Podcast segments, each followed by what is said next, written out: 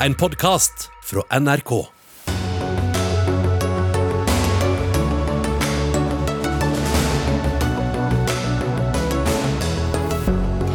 Bilister på Østlandet må betale mye mer i bompenger med nye Oslopakke 3. En desperat handling fra politikere som ikke har kontroll på kostnadene, protesterer NAF. Fremskrittspartiet advarer på ny mot svenske tilstander i Norge. En politisk kommentator ber partilederen om å roe seg. Et utvalg foreslår innstramminger i stortingsrepresentantenes økonomiske goder. Det kan gi mindre til diett, pendlerboliger og feriepenger.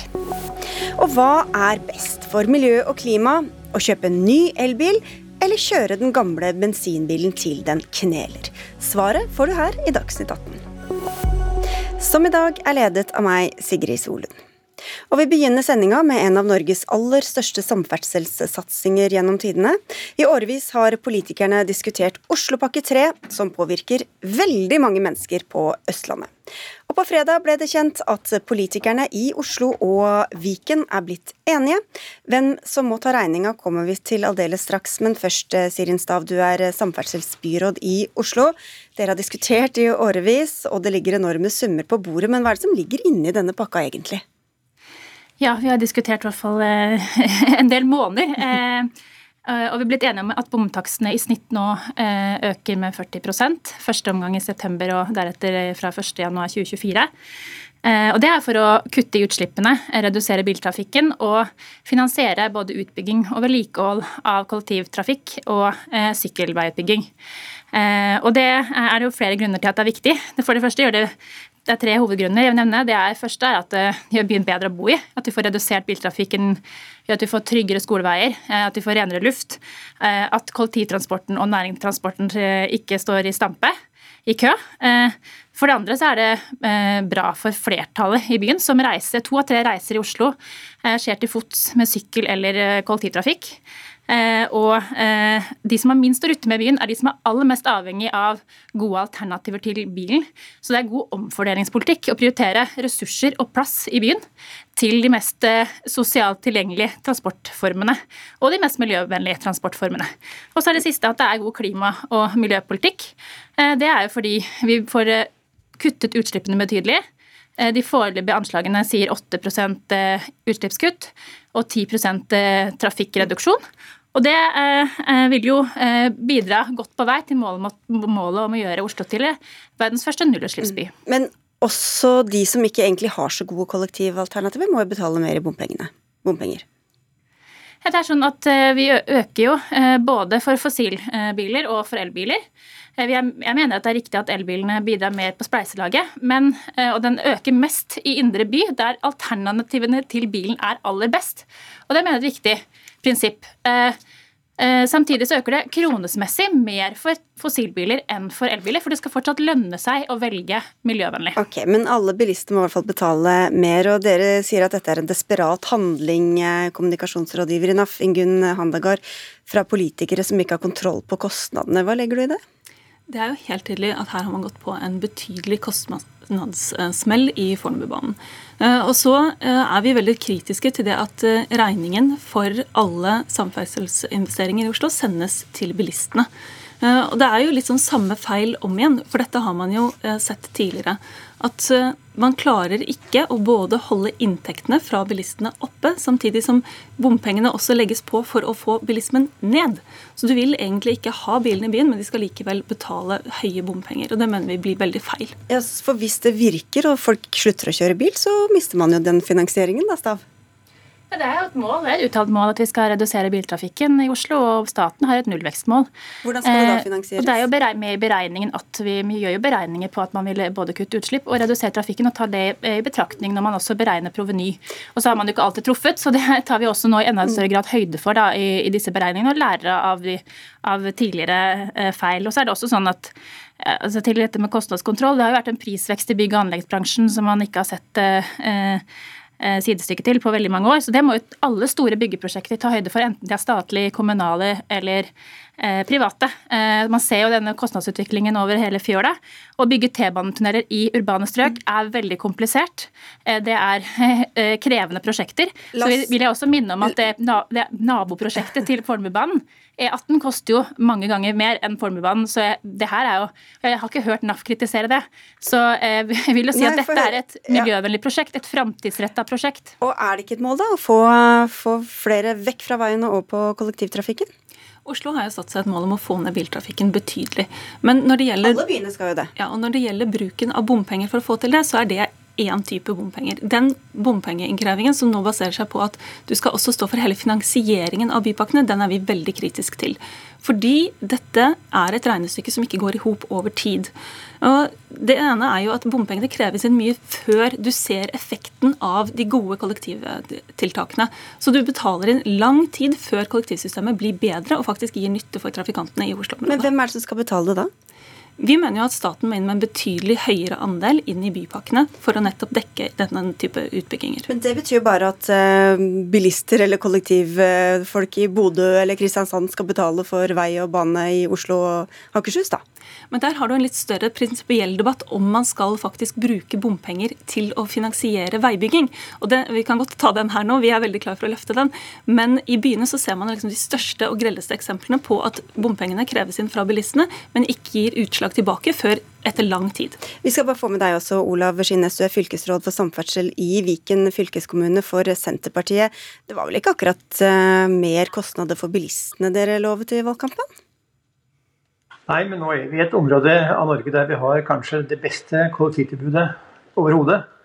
Og da syns vi det er riktig at vi må oppfordre og stimulere til at folk skal la bilen stå og bruke kollektivtilbudet som vi har. Får vi til det her i og rundt Oslo, så klarer vi ingen andre steder. Og det er nøkkelen for å nå nullvekstmålet vårt, som både regjering og fylkeskommune og kommune har forplikta seg på.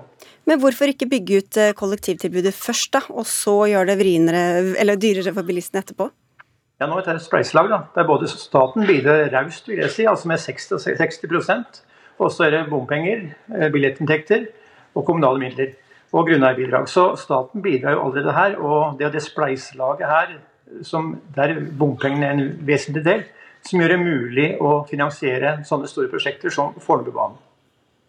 Ja, Det er litt interessant eh, den 60-60% som skal dekkes av staten. For det er jo basert på gamle anslag, og det er jo en lavere andel enn det faktiske kostnaden på Fornebubanen vil være. Så det er jo også et eh, punkt her at man må se på de faktiske kostnadene i utbyggingen, ikke disse tidlige, ganske optimistiske anslagene. Ja, og Her vil jeg jo si meg helt enig med NAF. Eh, for Vi mener jo også at regjeringa må levere på sitt løfte i Hurdalsplattformen om 70% bidrag. Og vi oppfordrer dem også til å Eh, til reelle kostnader okay. Eh, for prosjektet. Ja. Eh, fordi det er mange årsaker, og staten har selv bidratt til å drive opp prisene gjennom veldig høy byggeaktivitet. Så det er vi, det er vi enige om. Og Hadde vi hatt samferdselsministeren her, så kunne vi spurt om det, men han hadde ikke anledning til å være med i, i Dagsnytt 18. Men uh, Ingunn Hanegard fra, fra NAF, hvem mener dere altså, Hvem skal sørge for at bilene kommer bort fra veien, hvis ikke det blir dyrere å kjøre der. Å få ned biltrafikken det er jo ikke i utgangspunktet vårt hovedmål, bare sånn at det er sagt. Men vi forstår jo det, at byene trenger Det blir bedre for de som kjører der, hvis ikke ja. de står i kø hele døgnet? Vi, vi, forstår at byene har et behov for å få ned eh, kø og kork og kaos. Men det er noe med rekkefølgen dette her skjer i, og så er det noe med nivåene på bompengene som nå settes. Nå økes det også for elbilistene. I Oslo så har man jo kjøpt elbiler i et uh, høyt tempo nettopp for å få til den utskiftingen og være med på dette målet om at alle uh, biler i 2025 skal være eh, nullutslippsbiler. Så da er det en ganske eh, kjedelig situasjon for folk å se de bompengene øke. Og vi frykter jo også at det blir starten på en slags sånn ketsjup-effekt på avgifter for elbil, hvor du stadig legger på mer avgifter. Ja, hvor eh, forutsigbart var dette for alle de som hoppa på elbilbølgen, Skinnes? Nå er det sånn at Vi ønsker elbilen velkommen. Men samtidig så kan det ikke bli sånn at eh, elbilen skal bli kollektivtilbudets verste fiende. på en måte gjør at Vi må kanskje redusere og kutte i kollektivtilbudet. Så vi skal både si ja til elbil, men de skal betale det de rettmessig bør gjøre. De bruker òg veien, de sliter på veien, de skaper støv og de er på en måte en del av trafikkbildet. Og der det er et godt kollektivtilbud, så ønsker vi at de som kan, og det gjelder også elbileiere, bør ta kollektivtilbudet og ikke bidra til å pøse inn med biler gjennom og, og til Oslo. Vi går litt videre fra disse bompengesatsene, Andreas Sletholm, du er kommentator i Aftenposten. Hva vil du si, hvem er vinnerne i denne Oslopakke 3-satsingen? Ja, Det er et uh, godt spørsmål. Vinneren er jo på en måte Fornebubanen, som tross alt blir uh, realisert. For kan det, bli realisert, i hvert fall. Ja, uh, men, men, med det opplegget som ligger her, så har man jo løst det store problemet at dette er en uh, altfor dyr Eh, satsing i forhold til det som ligger inne i pakken. og det, Sånn har det jo vært før også. Sånn var det jo med E18 i Bærum. Når, man, eh, når, man, når, det skred fram, ble det også kjempedyrere. og Det løste man jo ved å ta det ut av pakken og så bomfinansiere det eh, selvstendig. Så, så, egentlig grunnproblemet her er jo at eh, Oslopakke 3 ikke er en pakke, men en kjempelang ønskeliste eh, som alle håper at skal bli mye billigere enn det egentlig blir. Nå er vi i den situasjonen at det er jo ingenting annet enn Fornebubanen av større prosjekter eh, som blir prioritert nå i uoverskuelig framtid. Ja, for hvem er det som eh, har grunn til å være skuffa nå? Nei, Det kommer an på forventningene deres. Men eh, over, altså hvis man tar f.eks. de siste ti årene, da, så er det jo en haug med prosjekter som har vært snakka om, som, som, nå eh, bare skyves helt ut i det blå. Alt fra Eh, altså, Ny Majorstuen stasjon er jo noe de sier nå at det utsetter vi, som var inne lenge. Sentrumstunnelen til T-banen eh, er det ingen som snakker om lenger, litt fordi Ruter sier at den er ikke så nødvendig. Men også en haug med andre prosjekter i Groruddalen for å bedre veisystemet der. Eh, T-bane til Ahus. Eh, Manglerudtunnelen, som det ikke er politisk flertall for i Oslo, riktignok, men som nå blir enda mer uaktuell. Så, så du kan si over, det, det, er jo mye som går til, til Oslo vest og Bærum, da, av de store prosjektene som nå blir realisert. Ja, fordi du nevnte Det var jo prosjekter som ligger sør og øst i Oslo. Bare for å ta den sosiale profilen her, Sirin Stav, hvor fornøyd er du med den? Tenker du geografisk? Ja. Mm. ja nei, det, det, er jo helt klart at uh, det er jo særlig vest som får nytte av Fornebubanen, men den er også sånn at uh, basen på Fornebu vil bidra til en, uh, at vi kan ha mange flere T-banevogner, som er veldig viktig, og sammen med Eh, vi har også satt av midler i denne pakka til, å, til, nytt signal- og sikringsanlegg som vil øke frekvensen og kapasiteten hele T-banenettet. Eh, og så har ikke eh, vi lagt bort Majorstua stasjon, vi må finne en måte å realisere det på på, på annet vis. Og det sammen vil det føre til en betydelig oppgradering av tilbudet i hele byen. Og det vil jo signal- og sikringssystemet også i seg selv. Men hvorfor var en T-bane til Fornebu så viktig at den trumfet mange andre prosjekter? Dette er et prosjekt som man har planlagt veldig lenge og allerede er igangsatt. Det er jo veldig krevende å skulle skulle skrote det, selvfølgelig. Det, men dette er, eh, vi har sagt også at vi har sikret nå handlingsrom til å finansiere den. Det er, skal være en reell demokratisk prosess nå. Eh, jeg må legge frem en sak for bystyret, og vi skal gå gjennom alternative mulige kuttforslag, konsekvenser av det. Og så må bystyret og fylkestinget Viken ta stilling til det. Eh, og, og, og da også ta stilling til den totaliteten. Mm. Men det er klart at vi også, sammen også med sykkelsatsingen og nytt signalanlegg, så får vi en oppgradering i hele byen. Her har det jo vært veldig mange politikere fra flere forskjellige partier og forskjellige nivåer involvert, Slettholm. Hvorfor tror du at prioriteringene ble som de ble? Nei, det har på en måte Politikerne har ikke hatt så veldig handlingsrom, i hvert fall ikke i denne runden, fordi, fordi de prosjektene som har ligget inne, eh, de har blitt så dyre at alle, alle pengene må gå til det. Altså, jeg pleier å si at de, eh, altså Siste del av planperioden snakker man alltid om at man skyver prosjekter til, og det er dit prosjektene går for å dø. Så hele poenget er at at eh, det som ligger helt først, det er det som får finansiering. Og nå er det Fornebubanen, og så er det masse andre prosjekter som ikke eh, kommer til å bli noe av på veldig lang tid. Ok, du skal få avslutte. Jeg vil jeg legger til også at vi får en dobling av vedlikehold av trikk og T-bane i Oslo, som er kjempeviktig. Eh, og som ikke er så sexy sak, kanskje, men som er veldig viktig for tilbudet i hele byen. Eh, så det er det sammen med, med sykkelsatsing og det øvrige, så er det veldig bra. Og, og Fornebubanen i seg selv kan erstatte 2,3 millioner kilometer bilreiser. Og ja, vil være også et veldig viktig miljøprosjekt i seg selv. Så jeg håper vi får til en løsning, men dette skal vi nå vurdere. Nå skal dere vurdere å vedta, og så får vi se hvor langt ned på ønskelista dere kommer. Takk skal dere ha alle sammen for at dere var med. Sirin Stav, som er samferdselsbyråd for MDG i Oslo, kommunikasjonsrådgiver i NAF Ingunn Handegard, Olav Skinnes, fylkesråd for samferdsel i Viken fylkeskommune for Senterpartiet, og Andreas Slettholm, kommentator i Aftenposten.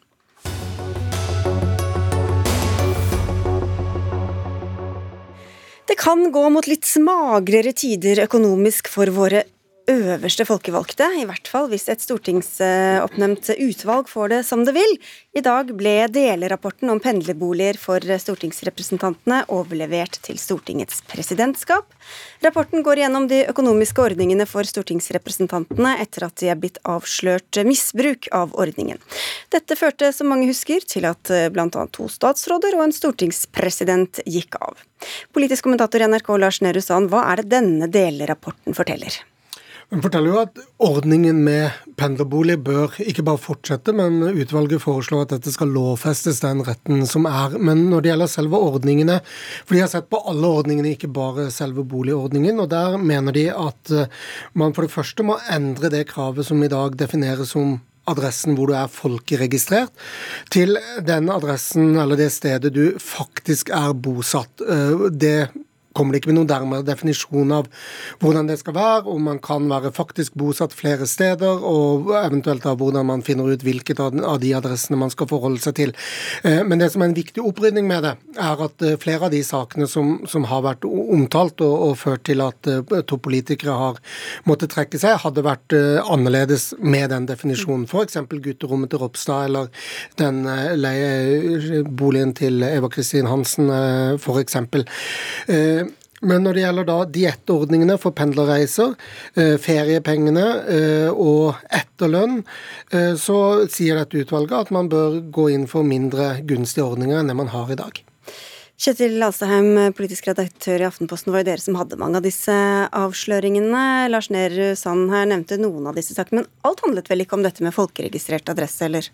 Nei, altså, eh, Det ble jo en diskusjon eh, fordi reglene var, kunne tolkes litt, eller de kunne strekkes. Og det var jo problemet her. At eh, noen valgte å tolke det veldig romslig.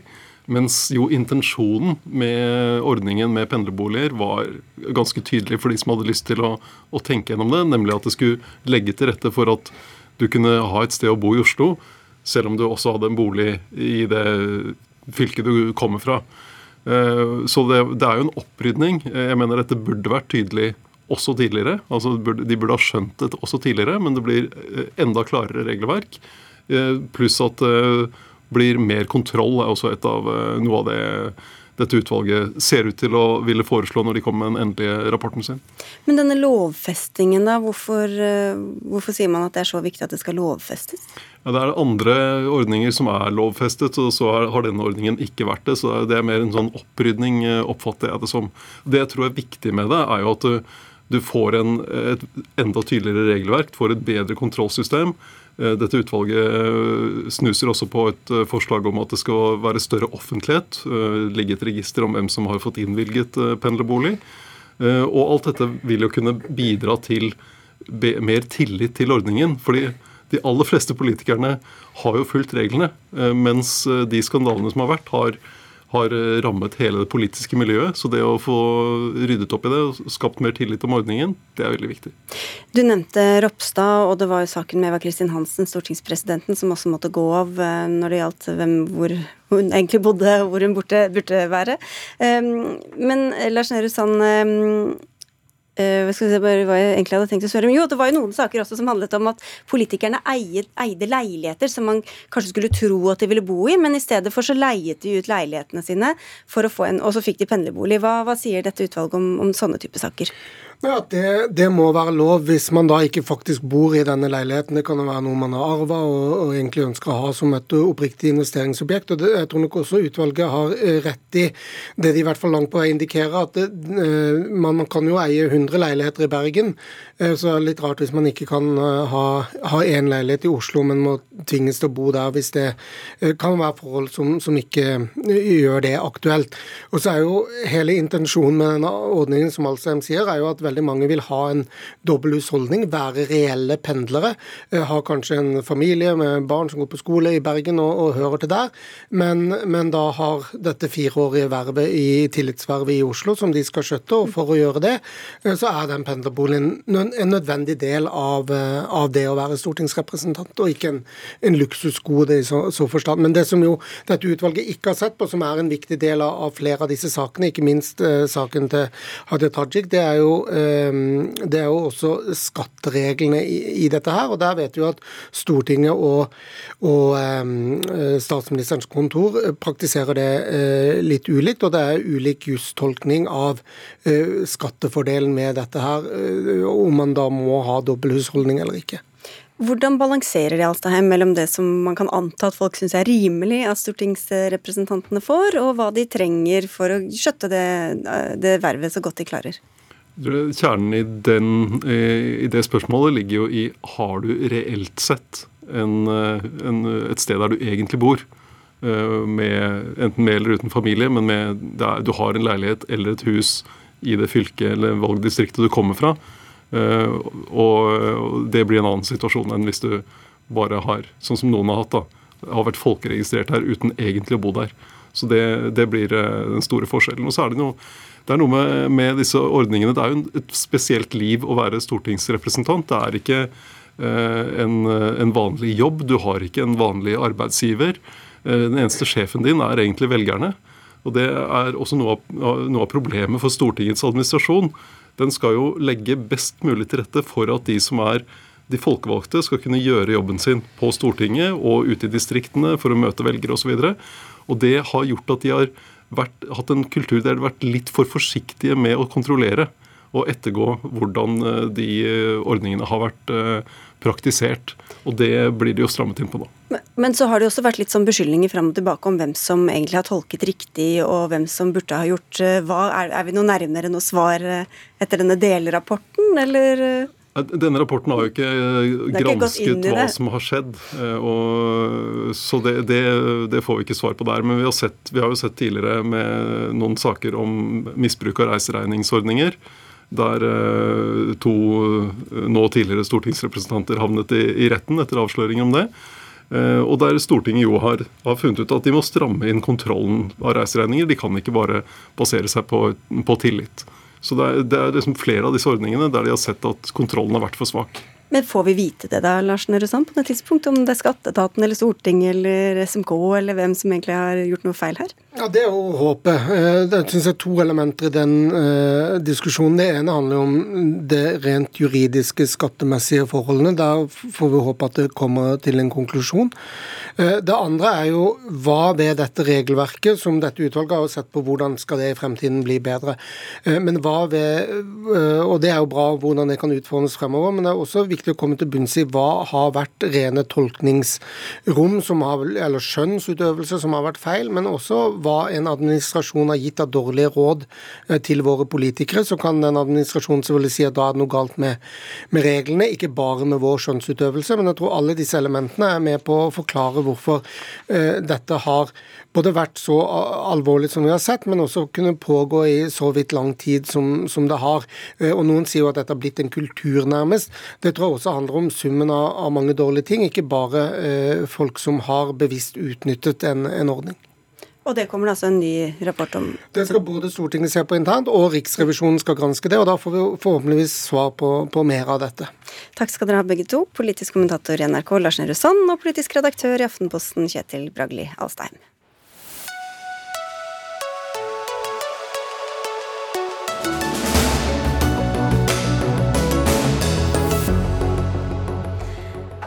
Lurer du på om du skal kjøpe en ny elbil, eller bare kjøre den gamle diesel- eller bensinbilen til den kneler? For hva er egentlig mest miljøvennlig å gjøre?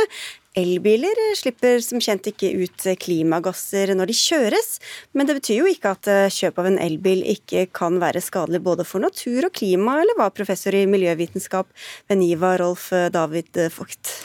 Ja, først vil jeg arrestere deg. Du sier at eh, elbiler ikke slipper ut klimagasser når du kjører. Det gjør de. Eh, de bruker eh, elektrisitet, eh, og den strømmen, den Ja, det er sant. Ja, den må må genereres. Og, og hvis ikke vi bruker den strømmen, så kan vi eksportere den til Du kan Tyskland. bare ikke direkte fra bilen. Nei. Så det er veldig bra for lokalmiljøet. Men globalt sett så spiller det ikke noen rolle hvor CO2-en blir sluppet ut. Så ja. Og i elbilens klimaregnskap, hva er de store synderne da? Ja, For det første så må bilen lages. Og en elbil For å lage den så er det jo stål og masse sjeldne jordartsmetaller som må ut, øh, utvinnes. Og alt dette her fører til miljøproblemer og, og klimautslipp. Um, og faktisk en elbil, eh, for å produsere den, så slippes ut mer CO2 enn for en tradisjonell eh, fossilbil under produksjon. Uh, men det er klart at uh, når man da har produsert den, så vil en elbil slippe totalt sett ut mindre CO2 ved forbruk enn en, en bensinbil. Så på svaret jeg hadde innledningsvis, hvis du har en eh, noen år gammel bensin- eller dieselbil og lurer på om du skal bytte den ut eh, med elbil for miljøets skyld, bør du gjøre det? Nei.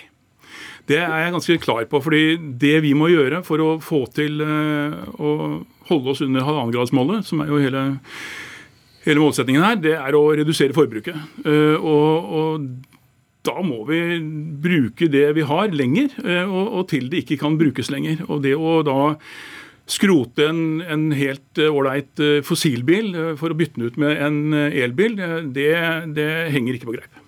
Du er ikke helt enig i denne logikken, Lasse Fridstrøm. Du er forsker ved Transportøkonomisk institutt. Hvorfor ikke?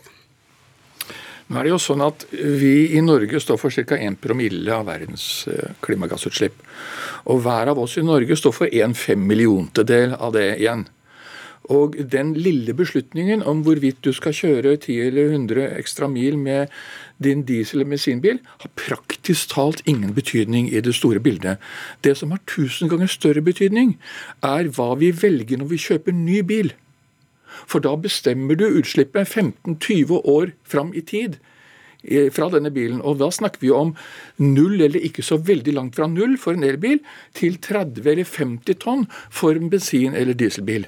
Men er det ikke det hele klimapolitikken handler om, at vi kan ikke bare gjøre én ting, vi må gjøre mange, mange, mange, mange ting? Hvorav dette da er et, Ja. et valg mange står overfor, da. Ja, men det er en misforståelse at dette er et moralsk spørsmål på individ- eller familienivå. Det som skal til, er store, sveipende beslutninger som bringer den store massen av folk over i miljøvennlig retning.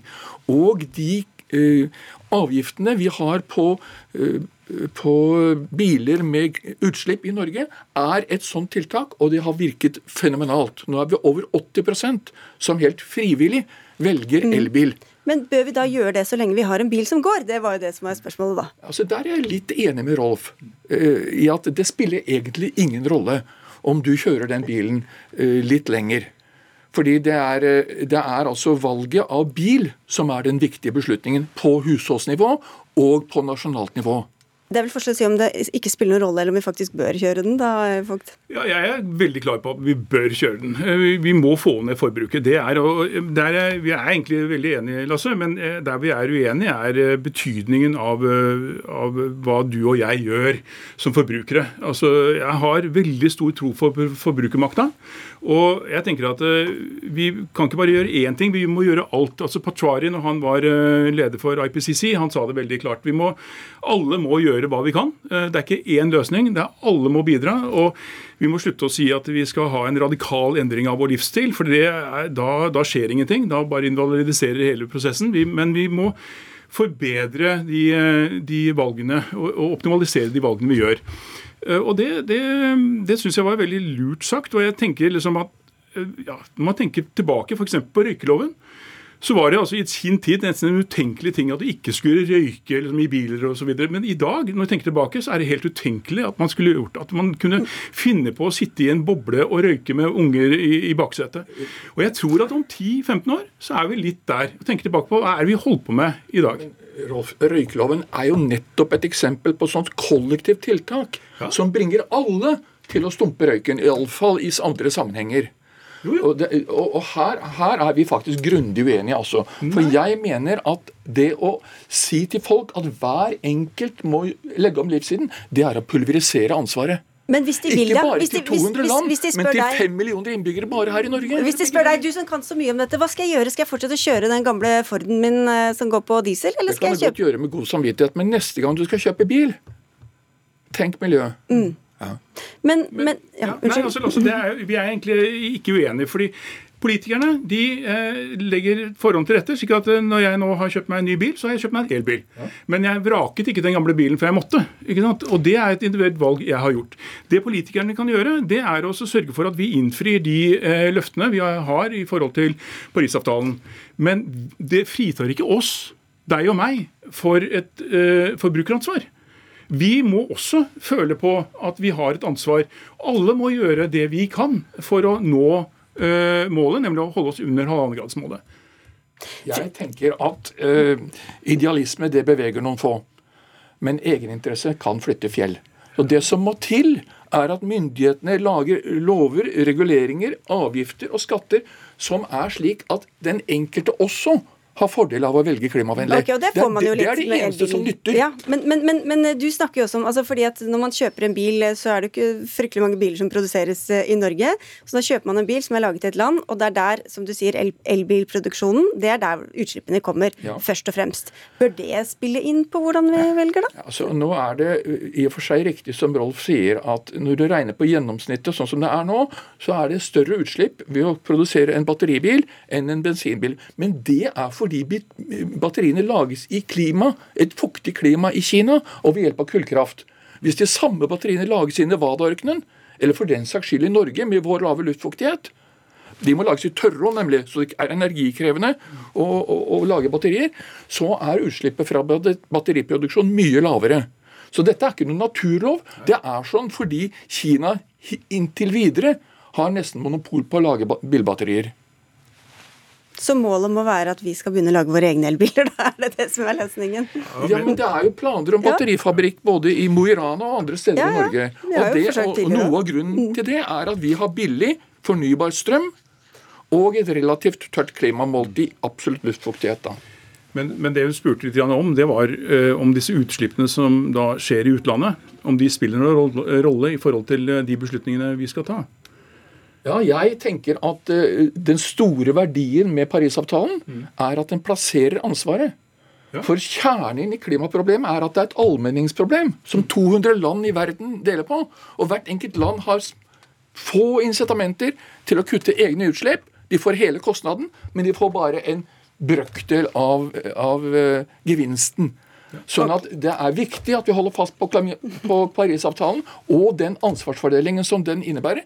Det er veldig viktig. Men det fritar ikke deg og meg for ansvar, det forbrukeransvaret vi har. Altså Det at vi har politikere som har et ansvar, det er vi alle enige i. Og de skal legge forholdene til rette, slik at eh, de innfrir de forpliktelsene eh, Norge har bundet seg til.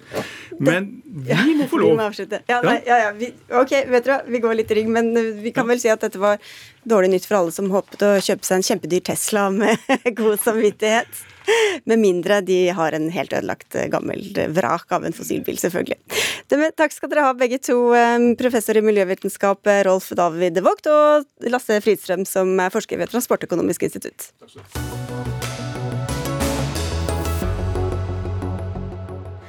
Vestlig etterretning har gjenopprettet sin stolthet under krigen i Ukraina. Det skriver to forskere ved Forsvarets høgskole i et innlegg i Trønderdebatt.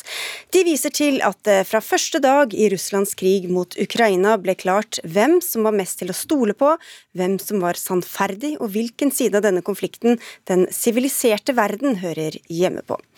Anders Romarheim, du er førsteamanuensis ved Forsvarets høgskole og har altså skrevet denne kronikken sammen med kollega Tom Rødseth.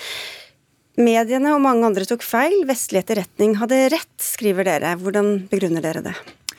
Ja, vi, Det var jo stor oppstandelse av mange grunner når eh, Putin gikk inn i Ukraina på den måten han gjorde. Men eh, det har jo blitt en stor debatt om, at, om selve debatten. Eh, Og det har vært harde tak i den, internt i forskerlauget osv. Men burde vi sett dette, og var egentlig den norske befolkningen godt nok informert om hva som var på trappene? Eh, og vi fikk en situasjon der egentlig en gedigen invasjonsstyrke på opp mot 150 000 mann ble stilt opp på grensa til Ukraina. Og, vi, og allikevel fortsatte et slags narrativ om at det kommer nok ikke til å bli krig. Og Russlands propaganda om at dette her var å pushe tilbake mot Vest, Natos ekspansjon østover, fikk veldig stor plass. Så, så gikk vi inn og analyserte litt hva er det som hva er drivkreftene her? Og vi, vi landa jo litt da bl.a. på krigen i Irak som er veldig skjellsettende for, for, offentlige oppfatninger om etterretning. Hva etterretning er, og, og, og hvilken funksjon det spiller i store internasjonale kriser og konflikter. Ja, For da bidro etterretningen til krig, rett og slett? Ja, og det er en veldig viktig distinksjon. At uh, Irak-krigen så pusha Bush-administrasjonen tungt på for å få til en krig i Irak. Det var ikke krig der. Uh, de utvida krigen mot terror med et nytt frontavsnitt i Irak på bakgrunn av feilaktig etterretning om masseødeleggelsesvåpen. Dette er nå 19 år siden. Det føles ikke så lenge for de som har jobba mye med det, men det er, det er jo lenge siden. Uh, men det huskes godt. I Ukraina så jobba jo vestlig etterretning for det stikk motsatte motsatte. Å avverge en krig og avskrekke Putin fra å gå inn ved å forklare tydelig Vi vet hvordan planene dine ser ut, vi vet du har tenkt å gå inn den datoen osv. Vi, vi vet ikke nå om det forskjøv hele invasjonen. Det kan det ha gjort, siden de var så eksplisitte. For det har vært veldig høyt sannhetsgehalt og troverdighet i det vestlig etterretning har sagt om denne konflikten. Og Hvordan har den eventuelt hjulpet Ukraina og Vesten underveis i krigen? Ja, På flere måter. Eh, vi ser jo at eh, russisk fremgang har vært eh, skuffende, sett med nær sagt alles, med russiske øyne. For de som, vi som gir dem våpen og Vesten, så, og, og, ikke minst Ukraina og det ukrainske folk, er det jo det veldig bra at Putins angrepskrig mot Ukraina ikke har gått fint. Den rollen etterretning har spilt på bakken, det tror jeg er gedigent. Men vi, det kommer det nok til å komme mer og mer informasjon om etter hvert. Men så har du det narrative nivået. altså På topp nivå internasjonalt. Hvorfor blir det krig? Du må fortelle en fortelling. En, utvikle et narrativ der du sier ja, nå skal vi angripe Ukraina pga. så og så eh, beveggrunner. Eh, og det russiske narrativet slo voldsomt sprekker eh, når vestlig etterretning dreiv Putin på bakfoten eh, og på defensiven. Han mista initiativet. Historien hans om at dette handla om Nato-utvidelse, eh, blei kraftig eh, motarbeida motarbeidet, der man så tydelig at Putin nå har konkrete bilaterale maktambisjoner om å tilrive seg territorium eh, og nekte Ukraina å styre sitt land sikkerhetspolitisk slik de ønsker, og dit de ønsker. Men selv om eh, mye av etterretningen da har vist seg, som du sier, å stemme, så er vel også en del av det å prøve å påvirke opinionen. Hva er det du tror de holder tilbake, og hva er det de går ut med? Ja, Det er knakende godt spørsmål. og, og, og vanskelig å si, men det som jeg mener ganske sterkt, er at dess høyere The higher the stakes, for å bruke engelsk. Det høyere eh, spillet er og innsatsen er, og det mer graverende og voldsom en internasjonal krise er, dess lenger kan eh, etterretningen og det politiske lederskapet gå i å bli konkrete eh, og benytte etterretningsinformasjon eh, om eh, invasjonsdatoer, hvilke ruter de kommer til å ta, hva slags våpen de vil bruke. Og noe av grunnen til at det er så mye det er jo mye hemmelighold rundt etterretning. Det er jo noe av det mest sensitive vi har i samfunnet. Eh, men det skal tjene en funksjon. Sånn at eh, hvis det er viktig nok, så kan du eh, spille av lydopptak. Sånn det, for da kan jo de som, for alle som får høre det, skjønne hvor du har mikrofoner plassert, hvor du har kilder. Du, du, du, kan, du vil alltid utsette kildene litt for større sannsynlighet for å bli merka dess mer du bruker etterretningen offentlig. Derfor hører vi nesten aldri noe fra det. Men når, når, det trues med atomkrig i Europa, da kan du liksom ikke se for deg Firer du litt på kravene? Da firer du litt på kravene. Da må du utpå og bruke etterretningen offensivt til din fordel i det internasjonale det politiske spillet. Takk skal du ha for at du kom, Anders Romerheim.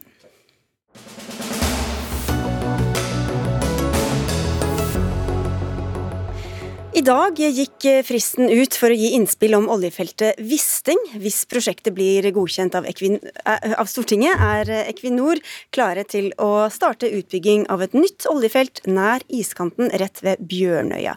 Noe som bl.a. er gjemt for kritisk truede sjøfuglarter. Som bør få være helt i fred, sier dere, Truls Gullofsen, du er leder i Naturvernforbundet. Nå vil vel dere ha så lite oljeutvinning som mulig, men hva er det som er spesielt negativt med akkurat dette feltet?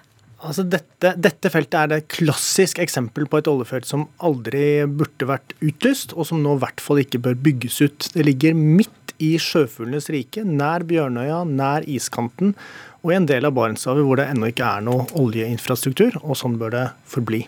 Så de 40 eh, milliardene Equinor har beregnet at eh, man skal tjene på det, hvorav 26 går til staten, takker du gladelig nei til? Jeg tror vi kan takke gladelig nei til det. Og det er også en sånn situasjon at dette feltet det var jo et felt som Equinor egentlig hadde lagt i møllposen fordi at det var eh, for ulønnsomt.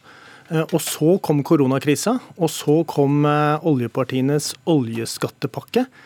Som gjorde at Equinor så oi, her har vi faktisk en mulighet til å tjene penger sjøl på dette fordi staten tar mesteparten av risiko og regninga. Og Derfor så er det så voldsomt hastverk for Equinor nå å levere inn produksjonsplan og få dette godkjent i Stortinget før jul. De må levere den før jul. Ellers så får de ikke oljeskattepakka. Og det ser vi på den konsekvensutredningen som de har levert. Den er et hastverksarbeid bare for å presse gjennom saken før jul, sånn at Equinor kan ta mindre risiko og fellesskapet mer risiko. Så dette feltet scorer på alle punkter. Feil sted, Feil lønnsomhetsprofil, feil produkt, bare olje. Og, og veldig, veldig feil sted. Eh, så det bør avvises av Stortinget, og det har heldigvis Stortinget mulighet til å gjøre. Marianne Sivertsen Næss fra Arbeiderpartiet, du sitter jo på Stortinget og leder energi- og miljøkomiteen. Også Miljødirektoratet har advart mot eh, mulig mangelfull rapport i et klimaperspektiv. Når skal naturen trumfe, om ikke her? Jeg har lyst først å kommentere det som er kritikken her fra Naturvernforbundet, som går på den konsekvensutredninga som de mener er mangelfull. Ja, eh, det var det jeg også spurte om. Ja, og da vil jeg bare få frem at eh, den konsekvensutredninga Det ene er jo at den har vært en høring på program for konsekvensutredning. Den var jeg med og behandla som lokalpolitiker i kommunestyret i fjor for ett år siden. Så der har man jo første anledning til å komme med innspill på akkurat hvordan denne konsekvensutredninga hvordan det skal foregå, og hva man skal utrede da. Og så har man jo nå vært tidlig ute med en høring på denne konsekvensutredninga som har frist i dag, som du sier. Og det er jo nettopp fordi at man vil ha inn alle innspill, alle parter skal bli hørt. og da skal Equinor begynne å jobbe med de høringssvarene de får, for nettopp å ha best mulig grunnlag når de skal utarbeide en PUD, som da skal inn før eh, utgangen av dette året. Jo, men som, Da var spørsmålet da, når skal naturen trumfe om ikke her? Hva skal dere få vite som gjør at dere vil sette foten ned? Altså, Vi er klare og tydelige på at eh, verden og Europa særlig etterspør eh, olje og gass. og Der skal vi være en langsiktig og stabil energileverandør. Og Med krigen i Ukraina så ser vi det jo veldig tydelig hvordan betydning energipolitikk har fått, og hva som skjer når det ikke er trygghet og sikkerhet for olje- og gassleveranser. Så nå i dagens situasjon så vil dere kanskje vekte natur og klima lavere enn det dere ville gjort for noen år siden, eller? Vi er som sagt tydelige på at vi skal utvikle norsk sokkel, men vi har òg store ambisjoner ja, på hvordan vi skal sa, Hvis det er argumentet for, så ville det jo vært vurdert annerledes nå da enn for tidligere. Unnskyld, en gang til. Nei, Til det du sa om at nå viser krigen i Ukraina at vi trenger en norsk uh, stabil oljeproduksjon, så betyr det at dere vekter natur- og klimahensyn lavere nå enn dere kanskje ville gjort ellers? Nei, det stemmer ikke. Vi har hatt en langsiktig politikk når det gjelder aktiviteten på norsk sokkel, så sånn sett så har det ikke forandra seg. Det jeg prøver å få frem med den situasjonen i Ukraina, det tydeliggjør hva som skjer når noen struper tilbudet på viktig energi. Og Det er da man ser at prisene går opp. Eh, det er ikke nok eh, energi i markedet, og det går ut over den enkelte forbruker, husholdning. Eh, det går ut over sikkerheten i de enkelte land i Europa. Så det er et bilde på hva som skjer når man struper tilbudet før man har fått etterspørselen ned. Vi er nødt til å få ned etterspørsel, og vi må få opp alternative energikilder som en erstatning for den olje og gassen som i dag er i energimiksen. Ok, Dette er vel et felt som skal leve i mange år, da, så det er ikke sånn at den kommer rakende nå? Ja, Det var litt av det som var poenget her. Så nå var jo FNs generalsekretær Antonio Guterres ute her om dagen og sa at det advarte mot alle de kreftene som nå bruker krisa, den akutte krisa i Ukraina som et påskudd for å, for å kjøre på med fossile brensler og la være å ta klimakrisa på alvor. Vi må løse det parallelt. Ikke så, så, ikke putt Arbeiderpartiet i den tradisjonen. Det er, det er, trist. Så er det andre er at dette feltet, hvis Equinor får det som det vil, og rusher dette igjennom, så vil det tidligst være produksjon i 2026. Og så skal produsere kanskje, eller utvinne olje der i, i 20 år framover. Så dette her er en kjempestor investering i framtidig produksjon, utvinning av olje, som verden ikke har plass til i et klimaperspektiv i et ekstremt sårbart område hvor det er helt marginal lønnsomhet. Så hvis det er noe sted på norsk sokkel hvor vi virkelig må sette foten ned og si vet du hva, dette feltet skal ikke bygges ut av hensyn til natur, klima, konsekvenser, ising, sjøfugl, så er det akkurat dette feltet. Og så har de levert en, en, en, helt klassisk konsekvensutredning, men de har ikke tatt med det som f.eks. Arbeiderpartiet nå sier i, i energimeldinga, at man skal ta hensyn til finansiell risiko i et klimaperspektiv. Det har de jo ikke rukket, for de har hatt det så travelt. Og de har heller ikke tatt høyde for det som NIM sier, at man må tolke Norsk eh, institutt for, institusjon for menneskerettigheter, ja. At man må mm. se sånne type feltutbygginger i et globalt klimaperspektiv i PUD-fasen. Og det er heller ikke blitt gjort. Okay, så vi må i hvert fall få disse tingene på bordet før Stortinget kan godkjenne noe som helst. Akkurat det er vi enige. Det skal på bordet før eh, den kommer til stortingsbehandling. Men jeg har lyst til å kommentere det du sa om ikke bruke krigen, og der er jeg helt enig. Det som jeg ønsker å få frem, er at situasjonen som en konsekvens av krigen, det er egentlig det vi har advart mot. Så lenge vi ikke har alternative energikilder, altså den energiomstillinga vi skal igjennom, det er kanskje den mest krevende omstillinga verden har stått overfor. Og så lenge ikke vi har alternativer for olje og gass på plass, så skjer det Kan dere ikke heller lage alternativer, da? Det gjør vi. Det er akkurat mitt neste poeng. Takk. og det er akkurat det som er poenget. For vi bruker både kompetansen og den infrastrukturen som er allerede til stede som følge av olje- og gassnæringa. Og det er jo akkurat de, eh, den fortrinnet Norge har når vi skal i den omstillinga vi skal. Vi har en fantastisk jo. leverandørindustri som står klar til å gå inn i det grønne skiftet som allerede er begynt. Men det er de samme menneskene antagelig som dere sier, da, som skal gjøre begge deler. Og hvis det er sånn at eh, Equinor før sa at dette oljefeltet faktisk ikke var økonomisk lønnsomt, og det ligger så sårbart til, Hvorfor skal man akkurat her satse på olje? Det kan jeg fortelle. Vi har akkurat vært gjennom en runde med forvaltningsplan for Barentshavet, hvor også iskantproblematikken ble behørig debattert og gikk gjennom Stortinget eh, fjor vår, tror jeg det var.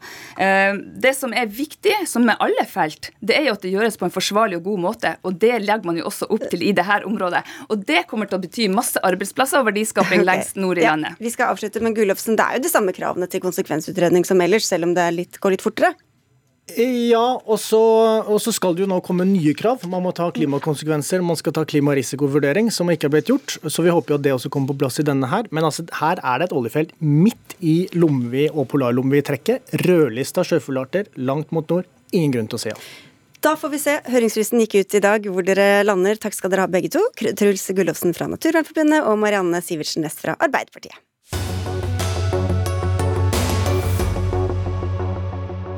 I flere år har vi hørt advarsler mot svenske tilstander i Norge. Fredag fikk vi høre det igjen da lederen av Fremskrittspartiet, Sylvi Listhaug, åpnet partiets landsmøte.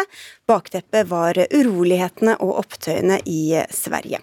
Listhaug snakker om hvordan vi nå ser krigslignende tilstander på TV, hvor biler, busser og skoler blir satt i brann av demonstranter, som hun sa.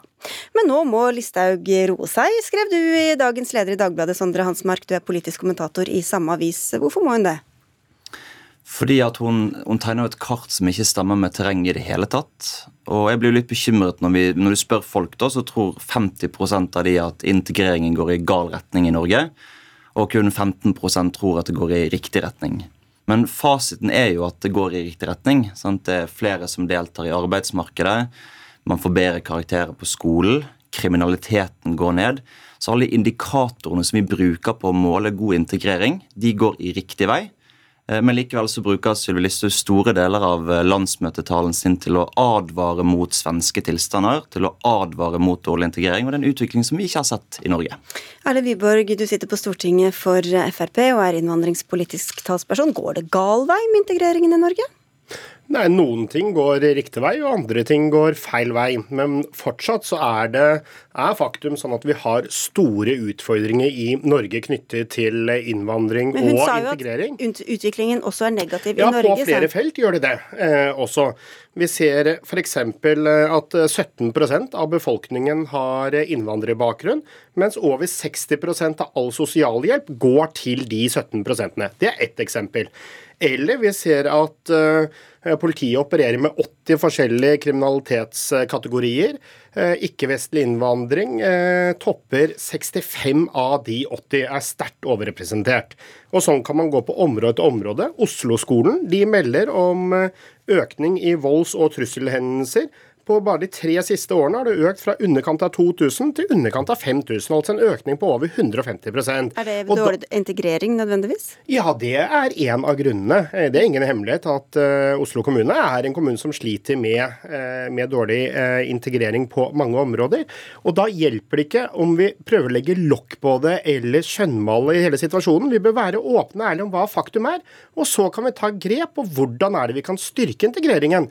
Og sørge for å få enda flere innvandrere ut i jobb, enn å selektivt plukke statistikk, som jeg føler at Sandsmark her gjør. Aspark? Ja, men altså, altså, klart Man kan peke på problemet med integreringen. Det har jo ingen noe problem å gjøre. sant? Men det som er greia er at Sylvi Listhaug advarer mot en utvikling som ikke finner sted. Hun peker på at det går i gal retning i Norge, når de fleste indikatorer beveger seg i riktig retning. Det fins problemer med integreringen i Norge. Det er ingen som prøver å legge lokk på at Frp diskuterer det. Men det reagerer på, én, og Sylvi Listhaug drar fram brennende biler og muslimer som, eh, som, demonstrerer mot koranbrenning som et veldig stort problem i Norge. fordi vi er ikke der i det hele tatt. Men hun advarer vel mot det? Det er vel poenget å advare mot noe som ennå ikke fins? Ja, men altså hvis du hører på Sylvi Listhaug, så skulle man tro at vi var få sekunder unna sånne situasjoner som man ser i, i, Sverige. Og jeg mener at politikere har et ansvar for å fortelle et riktig bilde av verden. Sånn, og jeg mener at hun må være med og ta ansvar for nettopp det jeg begynte med.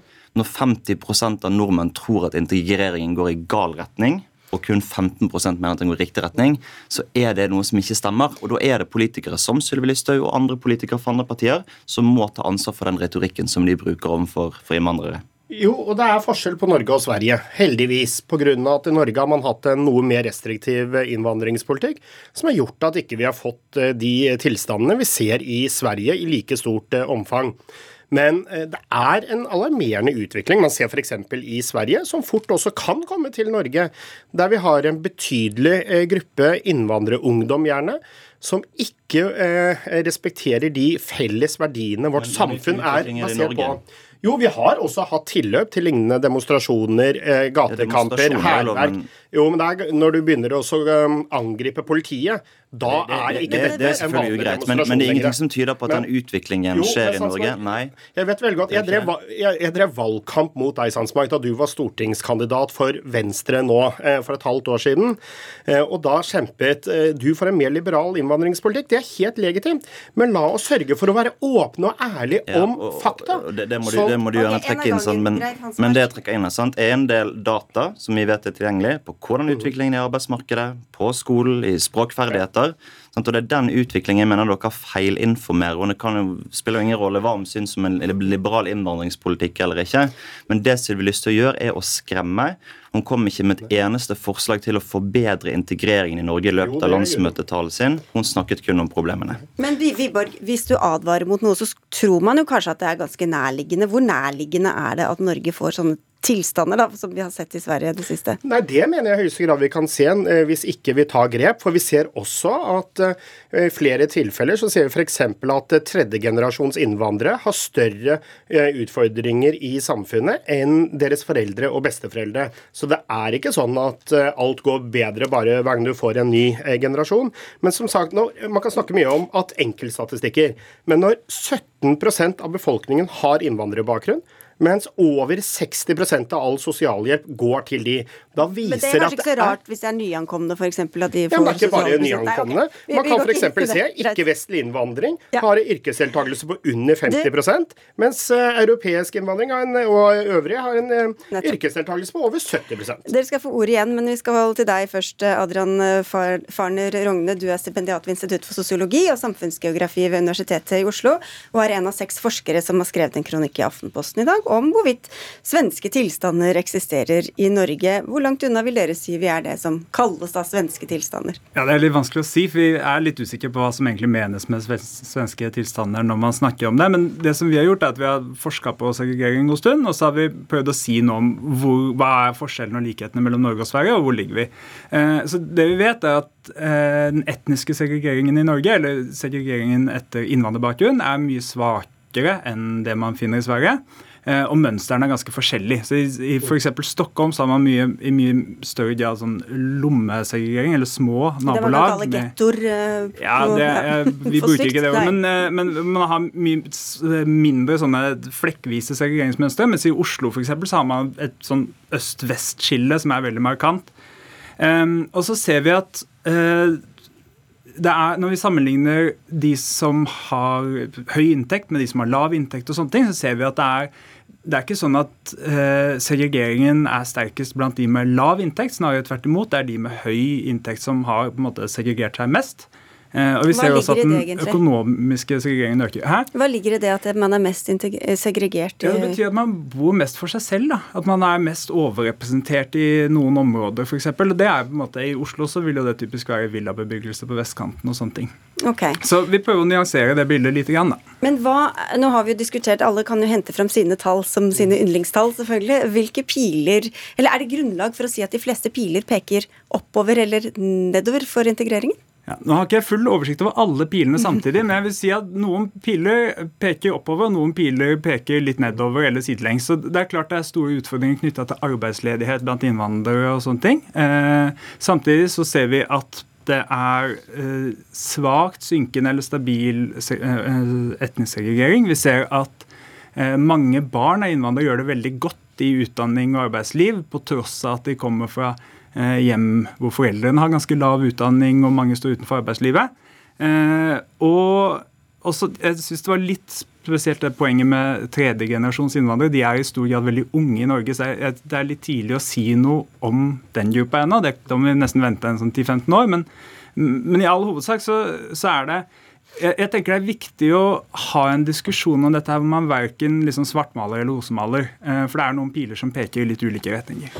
Du sa jo du hadde drevet valgkamp mot Hansmark her, som du sikkert vil mene at rosemaler. Men er det litt sånn at dere også kan svartmale fordi dere kan tjene på det politisk? Nei, Vi er opptatt, som Fremskrittspartiet alltid har vært, å være ærlig om situasjonen. For jeg tror folk flest også, de ser selv hvordan utviklingen har vært i Norge gjennom mange år. Men er man ærlig hvis man bare velger noen statistikker Nei, som passer med Folk flest ser det, og folk flest ser det, og jeg kommer her med tall og statistikker fra Statistisk sentralbyrå. Men det som også er litt, eh, eh, et litt paradoks her, da. Fremskrittspartiet har jo lenge ønsket mest mulig eh, statistikk og faktagrunnlag. Men vi har dessverre møtt, blitt møtt med sterk motstand eh, fra eh, de øvrige partiene, som ikke har ønsket at man skal ha nevneverdige fakta eh, på dette, for man synes det er stigmatiserende om man skal gå ned og se på de utfordringene. Men heldigvis har vi fått det til. Men så rett opp én ting. Sandsmark sa i stedet at Fremskrittspartiet ikke har noen tydelige løsninger på dette problemet. Jo, i høyeste grad har Fremskrittspartiet det. Vi har sagt lenge at du må derfor begrense innvandringen til Norge, sånn at du kan få fokus på å integrere de som allerede er her. At du må begynne å stille krav. At vi må stoppe Greit. mottak av flyktninger til byer og områder med over 15% innvandrerandel osv. osv. Ok, men da må jeg høre med deg også, da, Hansmark. Hvor, hvorfor trekker dere ikke fram alle de pilene som peker nedover eller bortover, da, som vi hørte her også? Jo, jeg kunne for så vidt også gjort det, og jeg er helt enig med at det finnes masse problemer. Det er for høy grad av eh, uføretrygdede, andre på ytelser, og alt dette vi er vi enige om. men Problemet er at Fremskrittspartiet ikke er ærlig om utviklingen. Jeg skulle ønske at de også kunne være med på å si det er kjempefint at ting går i riktig retning. Det er kjempefint at vi blir stadig bedre på å integrere. Det hadde gjort debatten veldig mye bedre. Og så er det jo masse tiltak som vi også kunne kommet inn på, som Listhaug gjerne kunne nevnt. Ja, det er sånn at ungdom på Oslo øst lever i større grad i fattigdom, har vanskeligere med å få seg jobb, blir straffet strengere for rusbruk, blir diskriminert på bolig- og arbeidsmarkedet. Dette er jo problemer vi burde diskutere som kan bidra til bedre integrering. Men det Fremskrittspartiet gjør, er skremselspropaganda, det er å advare mot en utvikling som ikke finnes i Norge, og det skaper bare større avstand og bidrar ikke til integrering. Vi er ærlige om hva utfordringen er, og vi kommer med konkrete forslag på å løse de utfordringene. Sånn som det siste du eh, nevnte akkurat der ville blitt, eh, eh, hvis Fremskrittspartiet da får gjennomslag for at ikke man skal ta imot flere eh, flyktninger ja, det det til kommuner og områder okay. med over 15 innvandrere, andre, så vil integreringen gå mye lettere. Vi skal få inn forskerne igjen på tampen her. Rogne, integreringsbarometeret fra 2020 sier at det bare er var det to av ti som mener at integreringen i Norge fungerer bra. Har de grunn til å bekymre seg? Så det er noen, Som sagt da, så er det noen ting som er uh, problematisk, som er, som er, viktig å ta tak i. Jeg er spesielt opptatt av på en måte, arbeidsledighet og den typen problematikk. Uh, samtidig så er det sånn at vi, vi er typisk ofte interessert i hvordan det går med barna som vokser opp i ulike typer nabolag, går på ulike typer skoler, hvilke konsekvenser nabolag og skoler har for folk. Eh, og Noe av det som vi finner, er i stor grad at eh, nabolag og skoler har ganske lite å si for hvordan det går med folk senere i livet, i utdanning, arbeidsliv, sånne ting. Det er særlig ting knytta til familiebakgrunn og arv og miljø, og eh, hvor du kommer fra, hvilke oppvekstvilkår du har, som har mye mer å si. Så jeg tenker at det er viktig å fokusere på det. Ok, Da overlater vi svenske tilstander til Sverige foreløpig, og så får vi si tusen takk til debatten til dere. Dagsnytt 18 er over for i dag. Odd Nytrøen, Eli Kyrkjebø og jeg, Sigrid Solund, takker for følget og ønsker en fin kveld.